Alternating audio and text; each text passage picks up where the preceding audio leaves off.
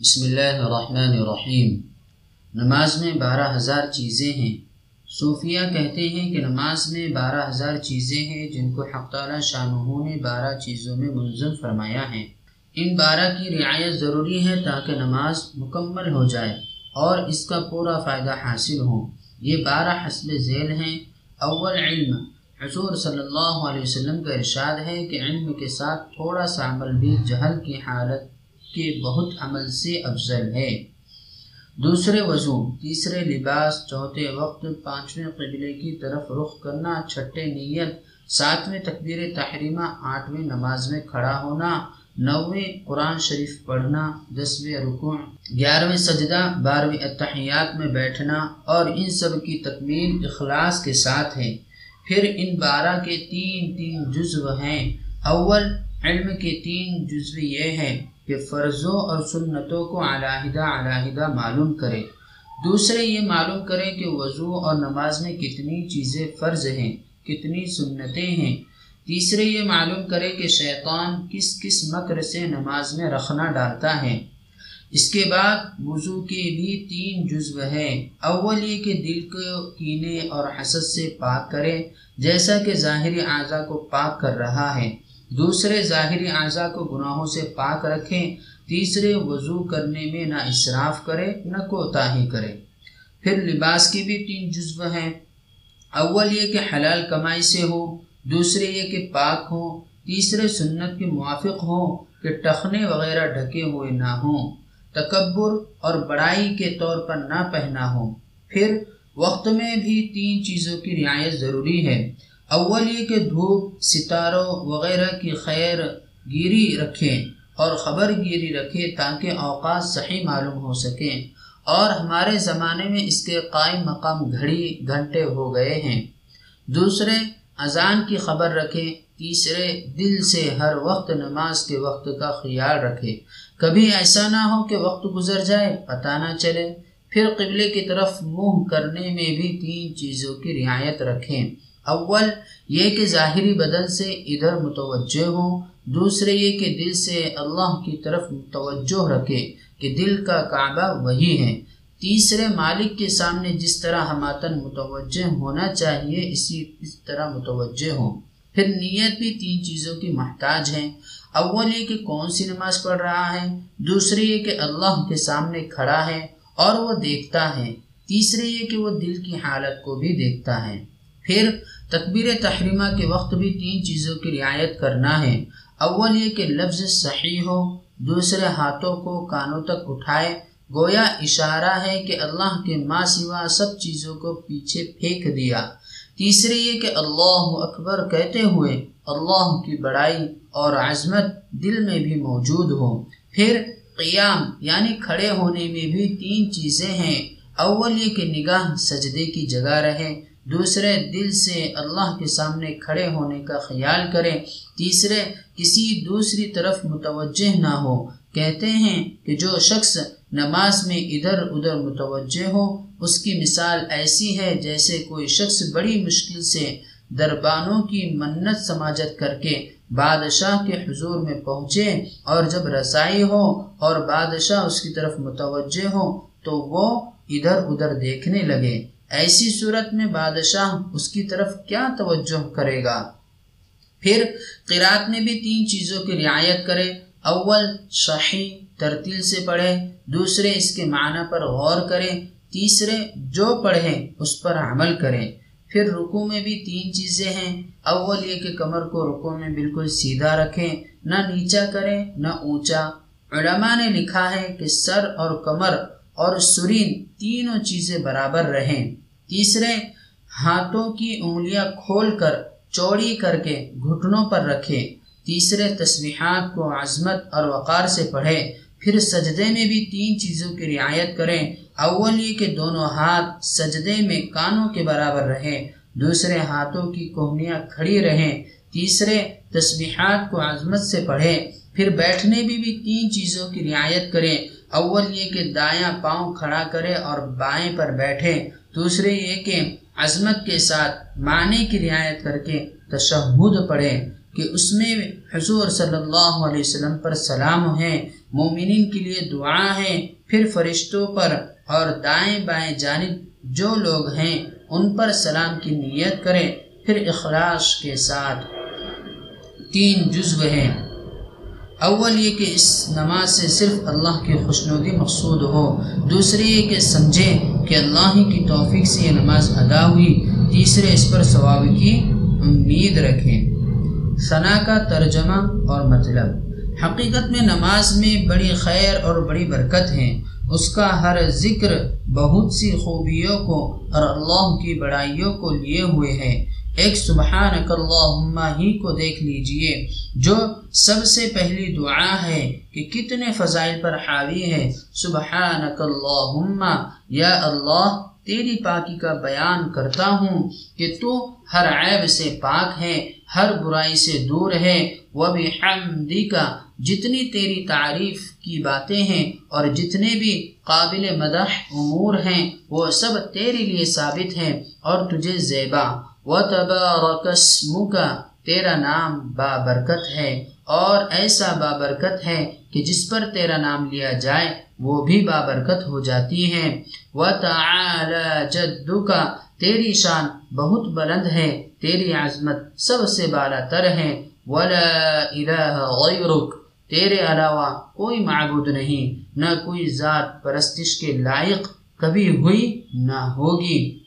اسی طرح رکوع میں سبحان ربی العظیم، میرا عظمت اور بڑائی والا رب ہر عیب سے بالکل پاک ہے، اس کی بڑائی کے سامنے اپنے عاجزی اور بے چارگی کا اظہار ہے کہ گردن کا بلند کرنا غرور اور تکبر کی علامت ہے اور اس کا جھکا دینا نیاز مندی اور فرما برداری کا اقرار ہے۔ تو رکو میں گویا اس کا اقرار ہے کہ تیرے احکام کے سامنے اپنے کو جھکاتا ہوں اور تیری اطاعت اور بندگی کو اپنے سر پر رکھتا ہوں۔ میرا یہ گنہگار جسم تیرے سامنے حاضر ہے اور تیری بارگاہ میں جھکا ہوا ہے، تو بے شک بڑائی والا ہے اور تیری بڑائی کے سامنے میں سر نگو ہوں۔ اسی طرح سجدے میں سبحان ربی الاعلی بھی اللہ کے بے حد رفعت اور بلندی کا اقرار ہے اور اس بلندی کے ساتھ ہر برائی اور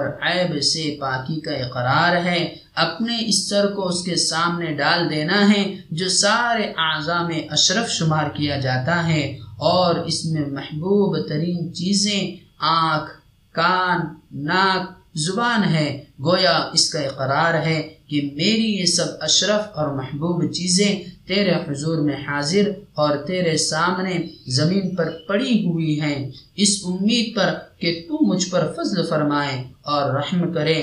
اور اس عاجزی کا پہلا ظہور اس کے سامنے ہاتھ باندھ کر معدب کھڑے ہونے میں تھا۔ اس پر ترقی اس کے سامنے سر جھکانے میں دینے میں تھی اور اس پر بھی ترقی اس کے سامنے زمین پر ناک رگڑنے اور سر رکھ دینے میں ہے۔ اسی طرح پوری نماز کی حالت ہے اور حق یہ ہے کہ یہی اصلی حیت نماز کی ہے۔ اور یہی ہے وہ نماز جو دین و دنیا کی فلاح و بہبود کا زینہ ہے۔ حق تعالی شاہ اپنے لطف سے مجھے اور سب مسلمانوں کو اس پر عمل کی توفیق عطا فرمائیں بزرگوں کے اللہ تعالیٰ سے ڈرنے کے واقعات۔ اور جیسا کہ مجاہد رحمۃ اللہ علیہ نے بیان کیا ہے کہ فقہائے صحابہ کی یہی نماز تھی۔ وہ جب نماز میں کھڑے ہوتے تھے، اللہ سے ڈرتے تھے۔ حضرت حسن رضی اللہ تعالیٰ عنہ جب وضو فرماتے تو چہرے کا رنگ متغیر ہو جاتا تھا۔ کسی نے پوچھا، یہ کیا بات ہے؟ تو ارشاد فرمایا کہ ایک بڑے جبار بادشاہ کے حضور میں کھڑے ہونے کا وقت آ گیا ہے۔ پھر وضو کر کے جب مسجد میں تشریف لے جاتے تو مسجد کے دروازے پر کھڑے ہو کر یہ فرماتے، الہی عبدک ببابک یا محسن، قد اتاک المسیء وقد امرت المحسن منا ان يتجاوز عن المسیء فانت المحسن وانا المسیء فتجاوز عن قبیح ما عندی بجمیل ما عندك یا کریم. ترجمہ، یا اللہ، تیرا بندہ تیرے دروازے پر حاضر ہے اے احسان کرنے والے اور بھلائی کا برتاؤ کرنے والے، بد اعمال تیرے پاس حاضر ہیں۔ تو نے ہم لوگوں کو یہ حکم فرمایا ہے کہ اچھے لوگ بروں سے درگزر کریں تو اچھائی والا ہے اور میں بدکار ہوں۔ اے کریم، میری برائیوں سے ان خوبیوں کی بدولت جن کا تو مالک ہے، درگزر فرما۔ اس کے بعد مسجد میں داخل ہوتے ہیں۔ حضرت زین العابدین رضی اللہ تعالی عنہ روزانہ ایک ہزار رکعت پڑھتے تھے۔ تحجد کبھی سفر یا حضر میں ناغا نہیں ہوتی۔ جب وضو کرتے تو چہرہ زرد ہو جاتا تھا اور جب نماز کو کھڑے ہوتے تو بدن پر لرزہ آ جاتا۔ کسی نے دریافت کیا تو فرمایا، کیا تمہیں خبر نہیں کہ کس کے سامنے کھڑا ہوتا ہوں؟ ایک مرتبہ نماز پڑھ رہے تھے کہ گھر میں آگ لگ گئی۔ یہ نماز میں مشغول رہے۔ لوگوں نے عرض کیا تو فرمایا کہ دنیا کی آگ سے آخرت کی آگ نے غافل رکھا۔ آپ کا ارشاد ہے کہ مجھے تکبر کرنے والے پر تعجب ہے کہ کل تک ناپاک نطفہ تھا اور کل کو مردار ہو جائے گا۔ پھر تکبر کرتا ہے۔ آپ فرمایا کرتے تھے کہ تعجب ہے لوگ فنا ہونے والے گھر کے لیے تو فکر کرتے ہیں، ہمیشہ رہنے والے گھر کی فکر نہیں کرتے۔ آپ کا معمول تھا کہ رات کو چھپ کر صدقہ کیا کرتے۔ لوگوں کو یہ بھی خبر نہ ہوتی کہ کس نے دیا۔ جب آپ کا انتقال ہوا تو سو گھر ایسے نکلے جن کا گزارا آپ کی اعانت پر تھا۔ حضرت علی کرم اللہ وجہہ کے متعلق نقل کیا گیا ہے کہ جب نماز کا وقت آتا تو چہرے کا رنگ بدل جاتا، بدن پر کپ کپی آ جاتی۔ کسی نے پوچھا تو ارشاد فرمایا کہ اس امانت کے ادا کرنے کا وقت ہے جس کو آسمان و زمین نہ اٹھا سکے۔ پہاڑ اس کے اٹھانے سے عاجز ہو گئے۔ میں نہیں سمجھتا کہ اس کو پورا کر سکوں گا یا نہیں۔ حضرت عبداللہ ابن عباس رضی اللہ عنہما جب اذان کی آواز سنتے تو اس قدر روتے کہ چادر تر ہو جاتی، رگے پھول جاتی، آنکھیں سرخ ہو جاتی، کسی نے عرض کیا، ہم تو اذان سنتے ہیں، مگر کچھ بھی اثر اثر نہیں ہوتا۔ آپ اس قدر گھبراتے ہیں، ارشاد فرمایا کہ اگر لوگوں کو یہ معلوم ہو جائے کہ معذن کیا کہتا ہے تو راحت و آرام سے محروم ہو جائیں اور نیند اڑ جائے، اس کے بعد اذان کے ہر ہر جملے کی تنبیہ کو مفصل ذکر فرمایا۔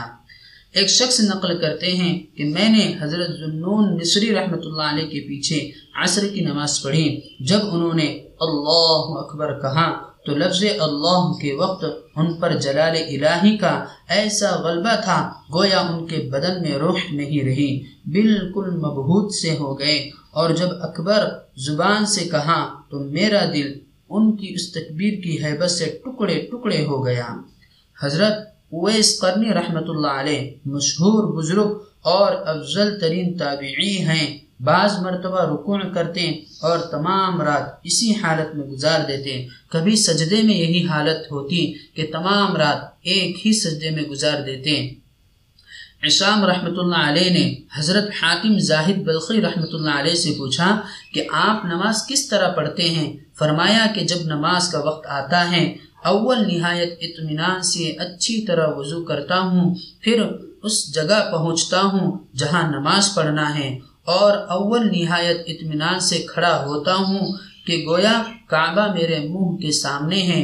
اور میرا پاؤں پل سرات پر ہے داہنی طرف جنت ہے بائیں طرف دوزخ ہے موت کا فرشتہ میرے سر پر ہے اور میں یہ سمجھتا ہوں کہ یہ میری آخری نماز ہے پھر کوئی اور نماز شاید میسر ہو اور میرے دل کی حالت کو اللہ ہی جانتا ہے۔ اس کے بعد نہایت عاجزی کے ساتھ اللہ اکبر کہتا ہوں۔ پھر معنی کو سوچ کر پڑھتا ہوں، توازن کے ساتھ رکن کرتا ہوں، عاجزی کے ساتھ سجدہ کرتا ہوں اور اطمینان سے نماز پوری کرتا ہوں۔ اسی طرح اللہ کی رحمت سے اس کے قبول ہونے کی امید رکھتا ہوں اور اپنے اعمال سے مردود ہو جانے کا خوف کرتا ہوں۔ حشام رحمۃ اللہ علیہ نے پوچھا کہ کتنی مدت سے آپ ایسی نماز پڑھتے ہیں؟ حاتم رحمۃ اللہ علیہ نے کہا، تیس برس سے۔ عصام رحمۃ اللہ علیہ رونے لگے کہ مجھے ایک بھی نماز ایسی نصیب نہ ہوئی۔ کہتے ہیں کہ حاتم کی ایک مرتبہ جماعت فوت ہو گئی، جس کا بے حد اثر تھا۔ ایک دو ملنے والوں نے تعزیت کی، اس پر رونے لگے اور فرمایا کہ اگر میرا ایک بیٹا مر جاتا تو آدھا بلخ تعزیت کرتا۔ ایک روایت میں آیا ہے کہ دس ہزار آدمیوں سے زیادہ تعزیت کرتے۔ جماعت کے فوت ہونے پر ایک دو آدمیوں نے تعزیت کی، یہ صرف اس وجہ سے کہ دین کی مصیبت لوگوں کے نگاہ میں دنیا کی مصیبت سے ہلکی ہیں۔ حضرت سعید بن المسیب رحمۃ اللہ علیہ کہتے ہیں کہ بیس برس کے عرصے میں کبھی بھی ایسا نہیں ہوا کہ اذان ہوئی ہو اور میں مسجد میں پہلے سے موجود نہ ہوں۔ محمد ابن واسع رحمۃ اللہ علیہ کہتے ہیں کہ مجھے دنیا میں صرف تین چیزیں چاہیے۔ ایک ایسا دوست ہو جو مجھے میری لغزشوں پر متنبع کرتا رہے۔ ایک بقدر زندگی روزی جس میں کوئی جھگڑا نہ ہو۔ ایک جماعت کی نماز ایسی کہ اس میں جو کوتاہی ہو جائے، وہ تو معاف ہو اور ثواب جو ہو مجھے مل جائے۔ حضرت ابو عبیدہ ابن الجراح رضی اللہ تعالی عنہ نے ایک مرتبہ نماز پڑھائی۔ نماز کے بعد فرمانے لگے کہ شیطان نے اس وقت مجھ پر ایک حملہ کیا، میرے دل میں یہ خیال ڈالا کہ میں افضل ہوں، اس لیے کہ افضل کو امام بنایا جاتا تھا۔ آئندہ کبھی بھی نماز نہیں پڑھاؤں گا۔ میمون ابن مہران رحمۃ اللہ علیہ ایک مرتبہ مسجد میں تشریف لے گئے تو جماعت ہو چکی تھی۔ راجعون پڑھا اور فرمایا کہ نماز کی فضیلت مجھے عراق کی سلطنت سے بھی زیادہ محبوب تھی۔ کہتے ہیں کہ ان حضرات کرام میں سے جس کی تکبیر اولا فوت ہو جاتی، تین دن تک اس کا رنج کرتے تھے اور جس کی جماعت جاتی رہتی، سات دن تک اس کا افسوس کرتے تھے۔ بکر بن عبداللہ رحمۃ اللہ علیہ کہتے ہیں کہ اگر تو اپنے مالک سے، اپنے مولا سے بلا واسطہ بات کرنا چاہے، تو جب چاہے کر سکتا ہے۔ کسی نے پوچھا کہ اس کی کیا صورت ہے؟ فرمایا کہ اچھی طرح وضو کر اور نماز کی نیت باندھ لیں۔ حضرت عائشہ رضی اللہ تعالیٰ عنہ فرماتی ہیں کہ حضور صلی اللہ علیہ وسلم ہم سے باتیں کرتے تھے اور ہم حضور صلی اللہ علیہ وسلم سے باتیں کرتے تھے، لیکن جب نماز کا وقت آ جاتا تو ایسے ہو جاتے گویا ہم کو پہچانتے ہی نہیں اور ہماتن اللہ کی طرف مشغول ہو جاتے تھے۔ سعید تنوخی رحمۃ اللہ علیہ جب تک نماز پڑھتے رہتے مسلسل آنسوؤں کی لڑی رخساروں پر جاری رہتی خلف ابن ایوب رضی اللہ تعالیٰ عنہ سے کسی نے پوچھا کہ یہ تم کو نماز میں دق نہیں کرتی؟ کہنے لگے کہ میں اپنے کو کسی ایسی چیز کا عادی نہیں بناتا جس سے نماز میں نقصان آئے۔ یہ بدکار لوگ حکومت کے کوڑوں کو برداشت کرتے رہتے ہیں۔ محض اتنی سی بات کے لیے کہ لوگ کہیں گے کہ بڑا متحمل مزاج ہے اور پھر اس کو فخریہ بیان کرتے ہیں، میں اپنے مالک کے سامنے کھڑا ہوں اور ایک مکھی کی وجہ سے حرکت کرنے لگوں۔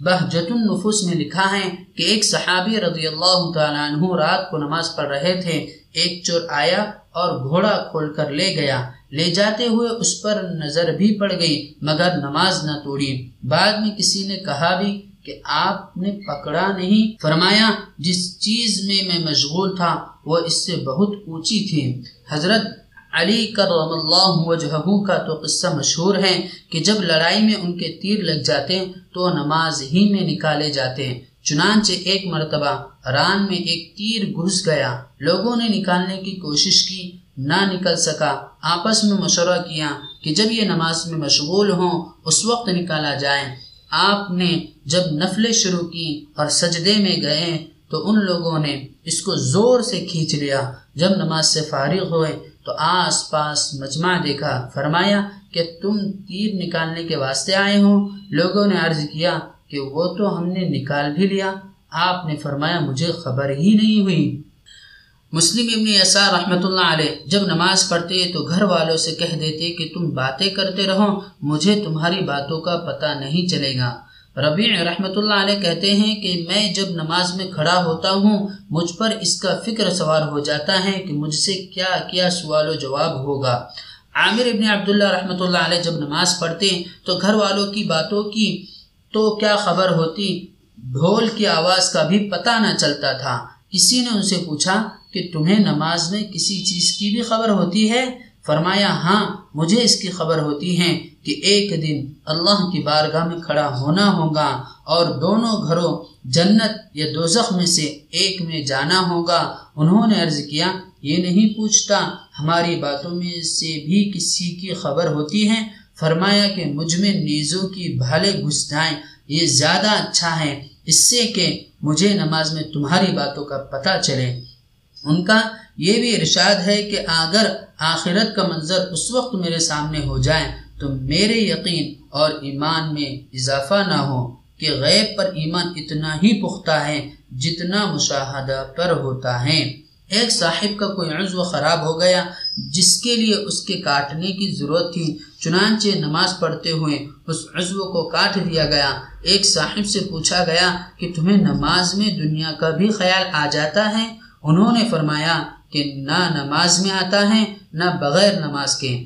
ایک اور صاحب کا قصہ لکھا ہے کہ ان سے کسی نے دریافت کیا کہ تمہیں نماز میں کوئی چیز یاد آ جاتی ہے۔ انہوں نے فرمایا کہ نماز سے بھی زیادہ کوئی محبوب چیز ہے جو نماز میں یاد آئے۔ بہجت النفوس میں لکھا ہے کہ ایک بزرگ کی خدمت میں ایک شخص ملنے کے لیے آیا۔ وہ ظہر کی نماز میں مشغول تھے۔ وہ انتظار میں بیٹھ گیا۔ جب نماز سے فارغ ہو چکے تو نفلوں میں مشغول ہو گئے۔ اور عصر تک نفلیں پڑھتے رہے یہ انتظار میں بیٹھا رہا۔ نفلوں سے فارغ ہوئے تو عصر کی نماز شروع کر دی اور اس سے فارغ ہو کر ذکر میں مشغول ہو گئے اور مغرب تک مشغول رہے۔ پھر مغرب کی نماز پڑھی اور نفلیں شروع کر دی۔ عشاء تک اس میں مشغول رہے۔ یہ بیچارہ انتظار میں بیٹھا رہا۔ عشاء کی نماز پڑھ کر پھر نفلوں کی نیت باندھ لی اور صبح تک اس میں مشغول رہے۔ پھر صبح کی نماز پڑھی اور ذکر شروع کر دیا اور اوراد و وظائف پڑھتے رہے اسی میں مسلح پر بیٹھے بیٹھے آنکھ جھپک گئی تو فوراً آنکھوں کو ملتے ہوئے اٹھے استغفار و توبہ کرنے لگے اور یہ دعا پڑھی اعوذ باللہ من عین لا تشبع من النوم۔ اللہ ہی سے پناہ مانگتا ہوں ایسی آنکھ سے جو نیند سے بھرتی ہی نہیں۔ ایک صاحب کا قصہ لکھا ہے کہ وہ رات کو سونے لیٹتے تو کوشش کرتے کہ آنکھ لگ جائے مگر جب نیند نہ آتی تو اٹھ کر نماز میں مشغول ہو جاتے اور عرض کرتے یا اللہ، تجھ کو معلوم ہے کہ جہنم کی آنکھ کے خوف نے میری نیند اڑا دی۔ یہ کہہ کر صبح تک نماز میں مشغول رہتے ہیں۔ ساری رات بے چینی اور اضطراب یا شوق و اشتیاق میں جا کر گزار دینے کے واقعات اس کثرت سے ہیں کہ ان کا احاطہ ممکن نہیں۔ ہم لوگ اس لذت سے اتنے دور ہو گئے ہیں کہ ہم کو ان واقعات کی صحت میں بھی تردد ہونے لگا۔ لیکن اول تو جس کثرت اور تواتر سے یہ واقعات نقل کیے گئے ہیں، ان کی تردید میں ساری ہی تواریخ سے اعتماد اٹھتا ہے کہ واقعے کی صحت کثرت نقل ہی سے ثابت ہوتی ہیں دوسرے، ہم لوگ اپنی آنکھوں سے ایسے لوگوں کو آئے دن دیکھتے ہیں جو سنیما اور تھیٹر میں ساری رات کھڑے کھڑے گزار دیتے ہیں۔ کہ نہ ان کو تعب ہوتا ہے، نہ نیند ستاتی ہے۔ پھر کیا وجہ ہے کہ ہم ایسے معاشی کی لذتوں کا یقین کرنے کے باوجود ان اطاعات کی لذتوں کا انکار کریں؟ حالانکہ طاعات میں اللہ تعالی شانوں کی طرف سے قوت بھی عطا ہوتی ہیں ہمارے اس تردد کی وجہ سے اس کے سوا اور کیا ہو سکتی ہیں کہ ہم ان لذتوں سے نا آشنا ہیں اور نابالغ بلوغ کی لذتوں سے نا واقف ہوتا ہی ہیں۔ حق تعالی شانہ اس لذت تک پہنچاویں تو ذہی نصیب۔ آخری گزارش۔ صوفیہ نے لکھا ہے کہ نماز حقیقت میں اللہ جل شاہ کے ساتھ مناجات کرنا اور ہم کلام ہونا ہے، جو غفلت کے ساتھ ہو ہی نہیں سکتا۔ نماز کے علاوہ اور عبادت غفلت سے بھی ہو سکتی ہیں۔ مثلا زکوٰۃ ہے کہ اس کی حقیقت مال کا خرچ کرنا ہے۔ یہ خود ہی نفس کو اتنا شاق ہے کہ اگر غفلت کے ساتھ ہو، تب بھی نفس کو شاق گزرے گا۔ اسی طرح روزہ، دن بھر کا بھوکا پیاسا رہنا، صحبت کی لذت سے روکنا، کہ یہ سب چیزیں نفس کو مغلوب کرنے والی ہیں۔ غفلت سے بھی اگر متحقق ہوں، تو نفس کی شدت و تیزی پر اثر پڑے گا۔ لیکن نماز کا معظم حصہ ذکر ہیں، قراءت قرآن ہیں۔ یہ چیزیں اگر غفلت کی حالت میں ہوں تو مناجات یا کلام نہیں ہیں، ایسی ہی ہیں جیسے بخار کی حالت میں ہدیان اور بکواس ہوتی ہیں کہ جو چیز دل میں ہوتی ہے وہ زبان پر ایسے اوقات میں جاری ہو جاتی ہیں، نہ اس میں کوئی مشقت ہوتی ہے نہ کوئی نفع۔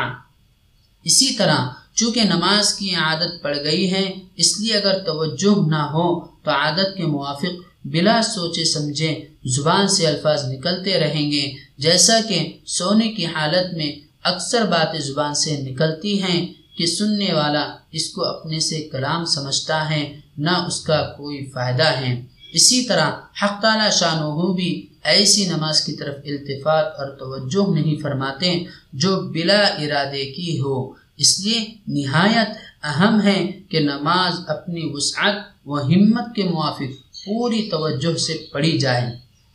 ایک ضروری بات، لیکن یہ امر نہایت ضروری ہے کہ اگر یہ حالات اور کیفیات جو پچھلوں کی معلوم ہوئی ہیں حاصل نہ ہو تب بھی نماز جس حال سے بھی ممکن ہو ضرور پڑھی جائے۔ یہ بھی شیطان کا ایک سخت ترین مکر ہوتا ہے کہ وہ یہ سمجھائیں کہ بری طرح پڑھنے سے تو نہ پڑھنا ہی اچھا ہے، یہ غلط ہے۔ نہ پڑھنے سے بری طرح کا پڑھنا ہی بہتر ہے اس لیے کہ نہ پڑھنے کا جو عذاب ہے، وہ نہایت ہی سخت ہے۔ حتیٰ کہ علماء کی ایک جماعت نے اس شخص کے کفر کا فتویٰ دیا ہے جو جان بوجھ کر نماز چھوڑ دے۔ جیسا کہ پہلے باب میں مفصل گزر چکا ہے۔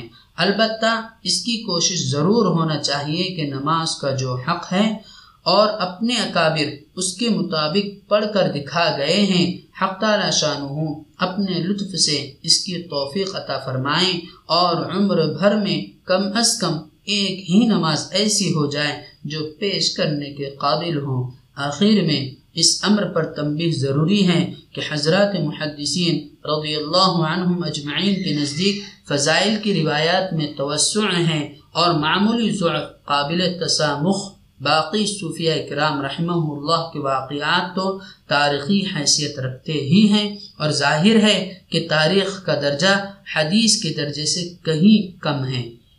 وما توفیقی الا باللہ عليه توكلت وإليه أنيب۔ ربنا ظلمنا أنفسنا وإن لم تغفر لنا وترحمنا لنكونن من الخاسرين۔